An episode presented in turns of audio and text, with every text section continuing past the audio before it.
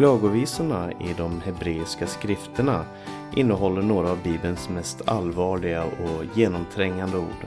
Den här boken kallar till självrannsakan och ödmjukhet inför Gud. Men eh, boken skrevs också till Israel i en speciell tid och av en speciell anledning. Och allt det här ska vi prata om idag då jag ska försöka ge några nycklar till klagovisorna i Bibeln. Jag heter Paulus Eliasson och du lyssnar på Radio Maranata.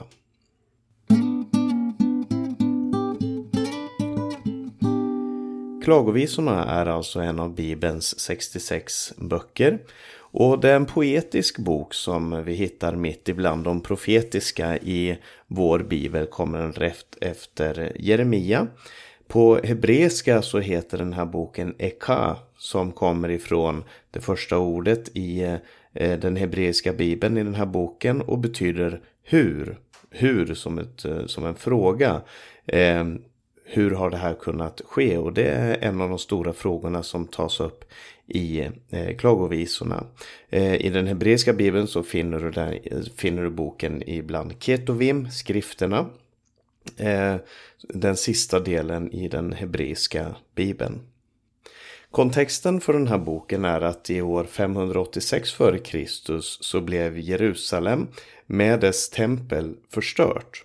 Många människor som levde i Jerusalem och runt omkring fördes i fångenskap till Babylon. Det var Babylons kung Nebukadnessar som förstörde Jerusalem. Och hela ordningen i landet blev rubbad. Tidigare hade man haft präster som hade tjänstgjort i templet, som hade eh, sörjt för den eh, religiösa kontinuiteten. Men de kunde inte längre tjänstgöra för att dels var prästerna antingen mördade eller bortförda i fångenskap och dels så var templet förstört. Och sen så var det kungen då som var detroniserad. Han eh, hade blivit förd också som fånge till Babylon där han levde eh, i, i, i kungens palats. Men han kunde inte utöva sin makt i Israel. Profeterna i landet var tystade. Eh, och det här var ett land som befann sig i kaos. Och i den situationen så skrivs alltså klagovisorna som är en klagan över Jerusalems ruiner. Allt är förstört, staden är förstörd, templet är förstört och det är framförallt en man som sitter i ruinerna av det som en gång kallades för Guds stad. Eh, och han klagar inför det som har hänt. Och jag säger en man, men vi vet inte vem det är som har skrivit eh, klagovisorna. Eh, I Septuagintan som är den grekiska översättningen av eh, Gamla Testamentet som skrevs ja, runt hundra år före Kristus så, och har färdigställts över en längre tid. Eh, I Septuagintans översättning av, eh, av klagovisorna så finns det en introducerande vers som inte finns i våra biblar som anger Jeremia som författare. Och det är möjligt att det är Jeremia som är författare och det är med det som bakgrund som man har placerat klagovisorna efter Jeremias bok i Gamla Testamentet. Men det sägs också i Jeremia att han fördes bort till eh, Egypten i fångenskap. Han, han blev förd som, som ja, i, i bojor till Egypten. Så det är också möjligt. Det är möjligt att det är han som har skrivit det men också möjligt att det är någon annan som har gjort det. Och eh, på grund av att det är olika stil i de olika kapitlen, det är fem kapitel i, i klagovisorna, och på grund av att de tar upp lite olika tematik och pratar på lite olika sätt så har man tänkt sig att det kan också vara så att det är olika författare för varje kapitel med en redaktör som har sammanfört de här texterna. Men oavsett hur det är med Jeremia som författare så finns det en kontinuitet, en teologisk kontinuitet mellan Jeremias profetia och klagovisorna. De hör ihop som en berättelse. Den här boken skrevs då alltså eh, ja, Jerusalem förstördes år 586 och folket återvände till Jerusalem eh, år 538 före Kristus. Så någon gång mellan där, så någon gång på 500-talet före Kristus blev den här eh, boken skriven. Och den är ganska intressant eh, hur den är uppsatt. Som sagt så finns det fem kapitel. Eh, de första tre kapitlen är uppbyggda som ett akrostikon. Och ett akrostikon, om jag uttalar det rätt, eh, det betyder att en akrostisk text, det är alltså att varje vers börjar med en bokstav från det hebreiska alfabetet. Alef, Beth, Gimmel och så vidare. Hela det hebreiska alfabetet. Därför har de första tre kapitlen 22 versar var. Varje vers börjar alltså med en bokstav ur det hebreiska alfabetet. Det finns också många salmer som är uppbyggda på det sättet. Bland annat psalm 119 som är den längsta salmen där det är i grupper om åtta. Eh, så de åtta första verserna börjar med Alef, de åtta nästa verserna börjar med Beth, de åtta nästa verserna med Gimel och så vidare. Eh, så det är de första tre kapitlen i eh, klagovisorna har den här akrostikonen. Men kapitel 4 tar det här ännu mer. Där är det 66 versar och det är tre vers per bokstav. Och sen kommer kapitel 5 som har 22 vers men är inte en akrostikon. Det är inte eh, de, alltså de första ordet i varje vers är inte eh, Alef, Bet, Gimel, Dal och så vidare. Eh, men, men hur det nu än är med den saken så, så är det en intressant, ett intressant sätt att lägga upp det här för att det vittnar om inte bara om någon som kastar ur sig sina ord utan som verkligen har tänkt igenom och som, som behandlar de här orden med, med omsorg. Eh, I alla fall då i de första fyra kapitlen. Och genren som klagovisorna är skriven i, ja det är, eh, det är poetisk, det är en poesi, det är dikter som är skrivna och det är en klagosång. Du kan hitta också klagosånger, klagan till Gud i, eh, i bland annat Salmernas bok. Men den här boken är på många sätt unik. Och nu ska vi tala lite om bakgrunden till den här boken och eh, gå in i texten kapitel för kapitel.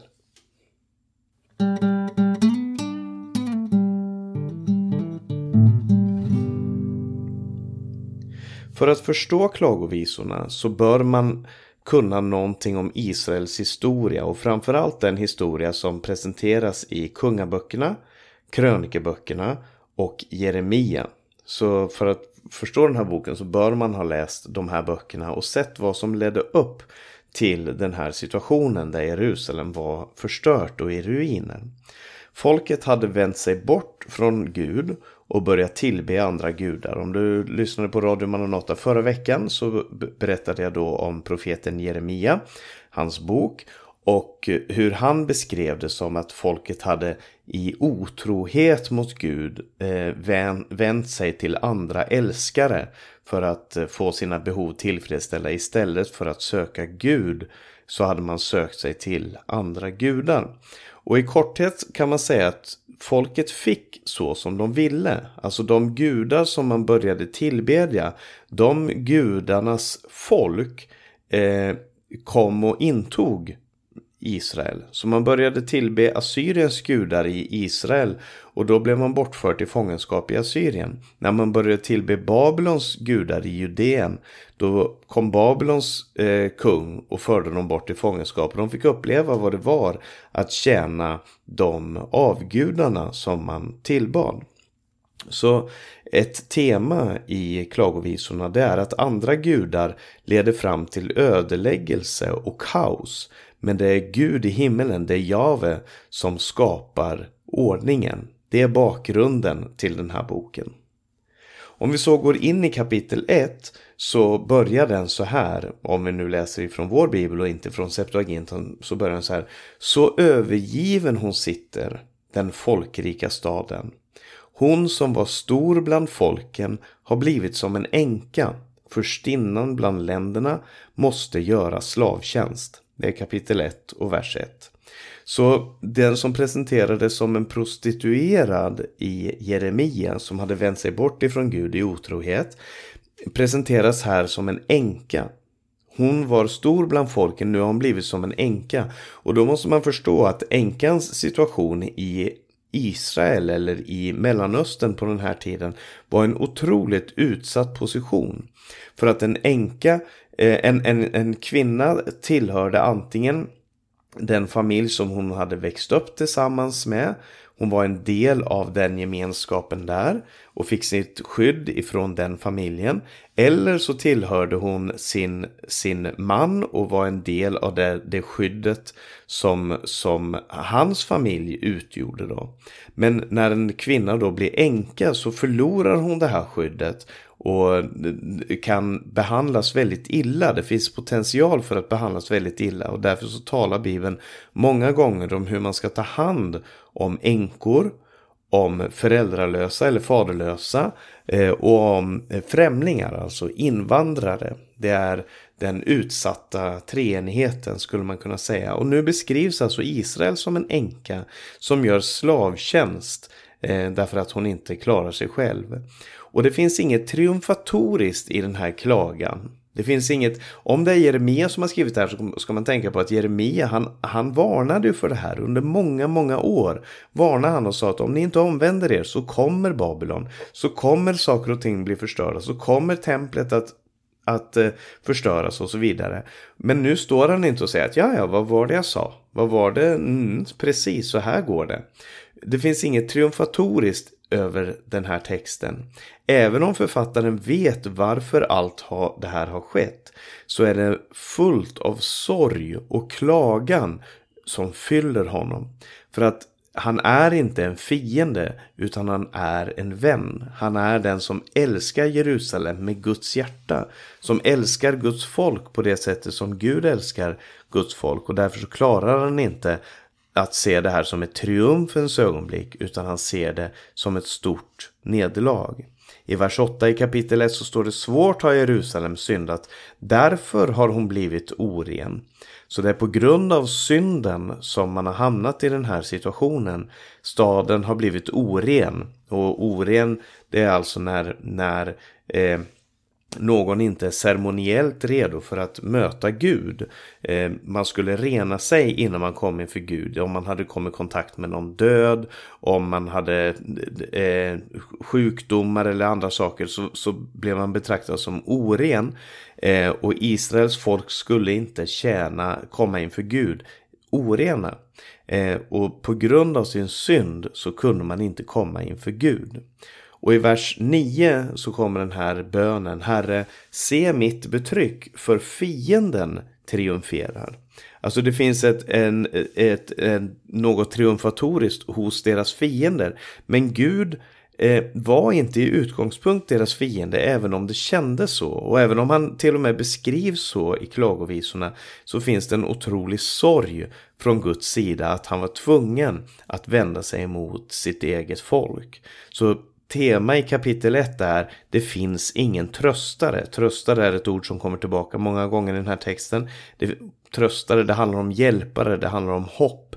Det handlar om de som skulle bygga framtiden. Alltså när man är gammal så kan man finna sin tröst i att det har kommit en ny generation som tar tag i det som man själv inte kan, kan ta tag i som fortsätter och det finner man tröst i.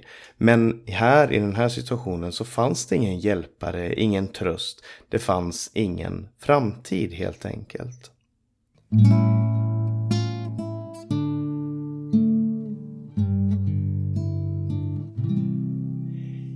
I kapitel 2 i eh, klagovisorna så står det i vers 5 just det här som jag sa, Herren har blivit en fiende. I vers 6 så står det i sin brinnande vrede förkastade han kung och präst. Så de som skulle vara Guds representanter, de försvann. De var borta. Det var de, kungen och prästen var de som upprätthöll ordningen. Det var två av statsmakterna. Men de var borta och landet var kastat in i ett fullständigt kaos. I vers 7 så står det Herren förkastade sitt altare. Han övergav sin helgedom. Och det här är en tematik som du finner till exempel i Hesekiel. Där det beskrivs att, han, att Herren eh, överger självaste templet, Herrens härlighet. I Jeremia så möter vi att eh, profeten Jeremia han konfronterade sin samtid och sa ni ska inte säga här är Herrens tempel, Herrens tempel, Herrens tempel. Man använder det här nästan som ett mantra för att försäkra sig om att nej, här kommer aldrig någonting illa hända. Här kommer aldrig någonting ske som inte är bra för att här är ju Herrens tempel.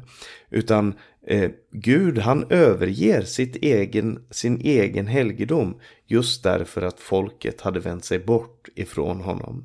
Och Guds vrede, det ska inte förväxlas med en typ av plötslig ilska.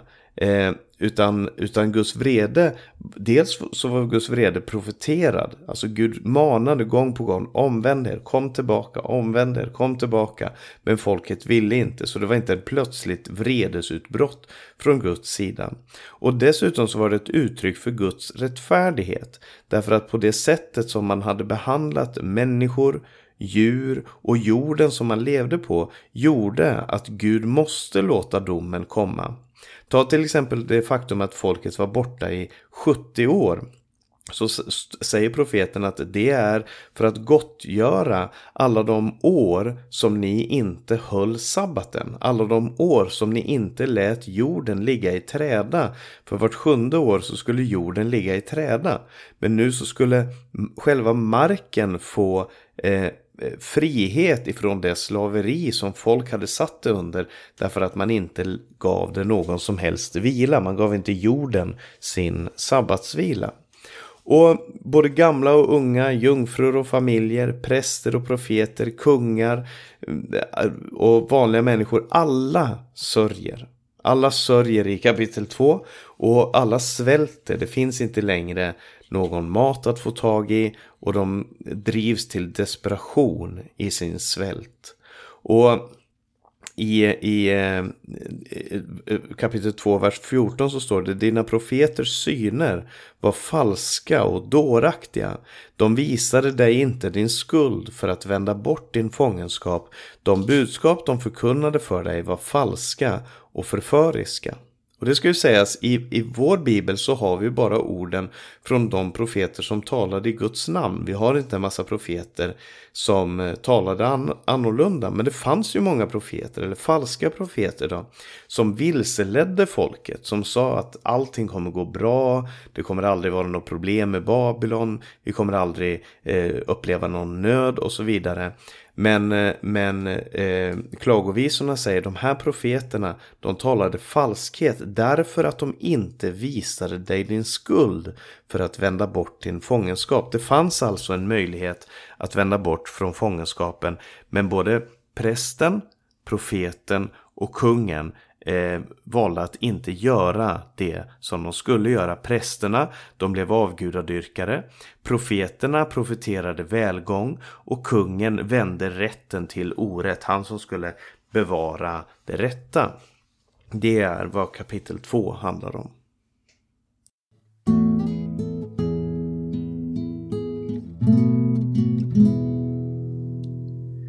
I det tredje kapitlet så eh, är det en jag-person som eh, börjar tala. Han säger jag är mannen som fått se lidande. Och så beskrivs eh, hela landets och folkets lidande som en persons lidande. Och det är intressant för att det finns ett bibliskt tema i det här som kommer tillbaka gång på gång och inte minst i Nya Testamentet där synden och sorgen läggs på en representant. Och därför kan det vara intressant att läsa Klagovisorna kapitel 3 utifrån perspektivet Vem är denna som bär allt detta lidande? Och i kapitel 3 så finns det också en strimma av hopp. Som sagt, eh, hela eh, klagovisorna är då fem kapitel. Eh, och, och, kapitel 3, i mitten av kapitel 3 så finns det en strimma av hopp. Så mitt i texten här så är det eh, ett hoppfullt budskap. I det tredje kapitlets 21 vers, och det, då är vi ungefär i mitten av kapitlet för det är 66 versar i det tredje kapitlet så står det Detta tar jag till hjärtat, därför har jag hopp. Och det kommer nu, alltså anledningen att eh, den som skriver det här säger att det är Jeremia, anledningen att Jeremia har hopp, det är det här. Det är Herrens nåd att det inte är ute med oss, att det inte är slut med hans barmhärtighet. Den är ny varje morgon, stor är din trofasthet. Herren är min del, det säger min själ, därför hoppas jag på honom. Och det här är en text som jag tror är ganska välkänd ibland kristna. Det, det, det är ett hopp som hämtas från Gud själv. För att det här är logiken hos profeten. Om Gud såg folkets synd och straffade den så kommer han också se deras sorg och omvändelse och så förlösa folket igen. Han kommer också se eh, de här andra folkens orättfärdighet mot hans eget folk och så kommer han förlösa, han kommer rädda, föra folket tillbaka. Så hoppet ligger Faktum är att hoppet ligger i domen. För på precis samma sätt som Gud såg orättfärdigheten och dömde den så hoppas de att han nu ska se orättfärdigheten och döma till Israels favör, till folkets favör. Men man ska inte springa till den här texten alldeles för snabbt. Den är inte i första kapitlet, den är i tredje kapitlet. Inne ibland de här kla det här klagandet. Och, och det här hoppet som han talar om, han ska komma tillbaka till det lite i slutet av texten. Men det är en strimma. Det är en liten, liten strimma av hopp mitt i allt det som sker. Och eh, man, ska, man ska inte dra för stora växlar på det. Samtidigt som det är det som är hoppets budskap i den här texten.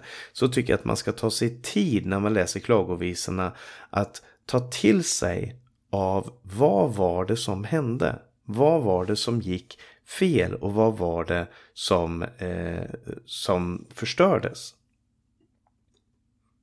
I det fjärde kapitlet, och jag ska inte gå in så mycket på det, eh, så finns det en jämförelse mellan det som var och det som är. Den heliga staden har blivit oren.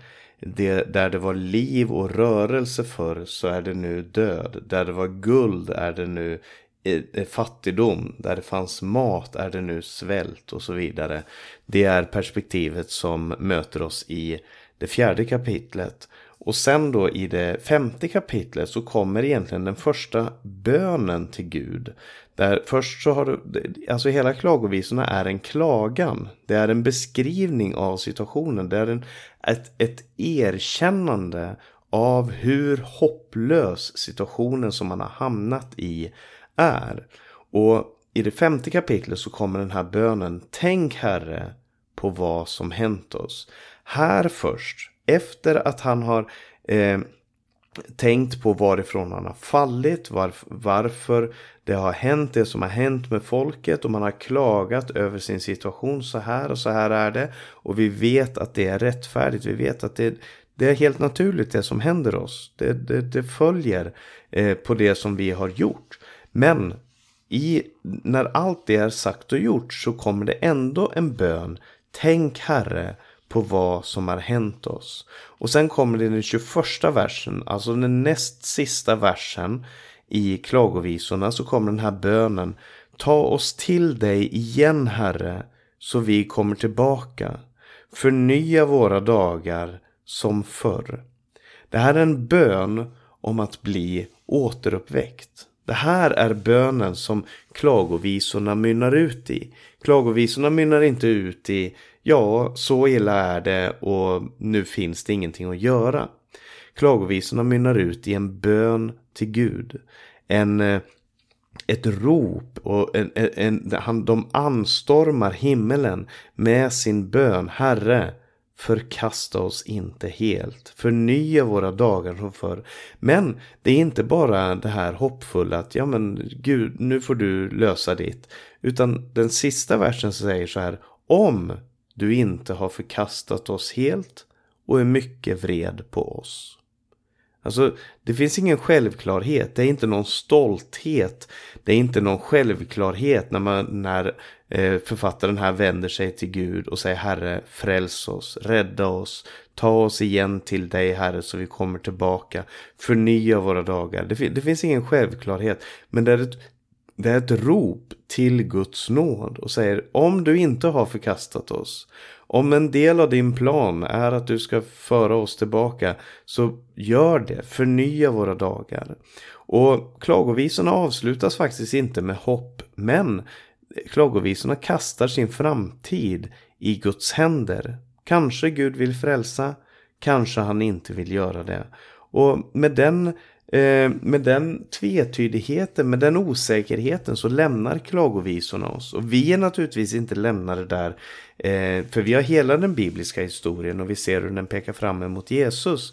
Men det är värt att ta sig tid att stanna till inför den här texten. Och jag ska avsluta med att ge några personliga reflektioner.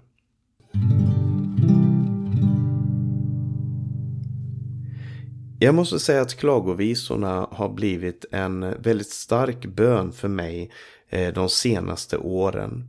Det har blivit en utmaning och en självrannsakan som jag själv känner igen i den här texten. Därför att när man har felat och när livet har gått fel och saker och ting händer som man, som man upplever att eh, där, där Gud verkligen sätter ett stopp för en. Där Gud sätter ett stopp för, för allting. Så måste man sätta sig ner och ställa de stora frågorna. Precis som, eh, eh, precis som klagovisorna gör. Varför följa? Varför lät Gud det här gå över mitt liv som har gått över mitt liv? Varför, varför är allting förstört? Varför sitter jag i de här ruinerna av mitt eget liv? Varför saknar jag redskapen? Var är redskapen till att kunna bygga upp det igen? Och eh, det är när man har ställt sig de frågorna och eh, gått in i sig själv och, och varit självrannsakande och omvänt, omvänt sig ifrån det man har varit. Det är då man kan börja be om förnyelse och återupprättelse. Och det gör man inte med högmod utan med en nedbruten ande. Och man måste till slut, till syvende och sist så måste man komma till Gud precis som lärjungarna gjorde och säga Herre, vem skulle vi gå till? Alltså även om det har skett det som har skett så ser vi ingen framtid utan dig. Och klagovisorna pekar fram emot Jesus därför att han är den som bar all skuld på sig därför att vi inte kunde det. Han är den som eh, gjorde det som vi inte kan när vi syndade. Han sörjer över den som går förlorad och han gläder sig över den som blir frälst. Och han är vårt enda hopp när vi faller. Så jag tycker att klagovisorna på ett fantastiskt sätt pekar fram emot Jesus. Och det var det jag ville dela med dig idag om klagovisorna i Bibeln.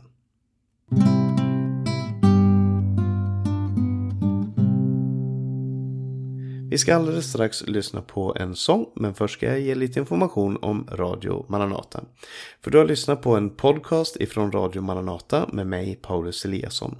Det här programmet har sänds över Stockholms närradio 88 MHz och Örebro närradio 95,3 MHz. Sprid gärna programmen till andra som du tror skulle ha nytta av att höra det här budskapet.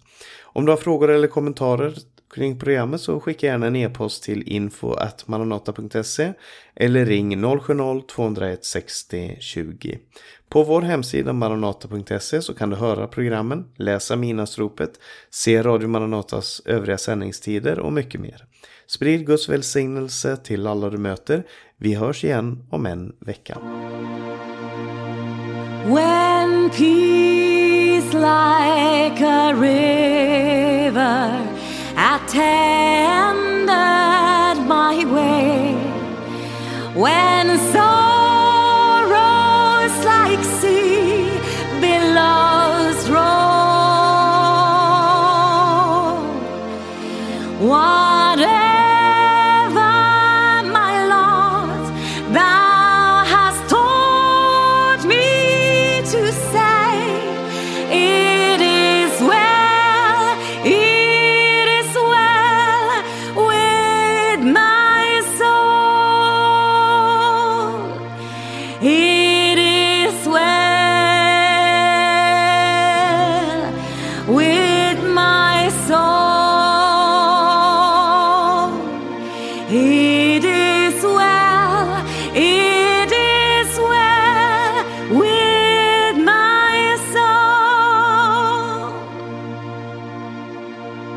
Though Satan should buffet, though trial should come, let this blessed assurance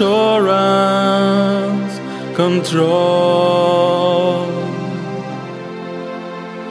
that Christ has regarded my helpless estate and hath shed his own blood for my soul. It is well with my soul. It is well, it is well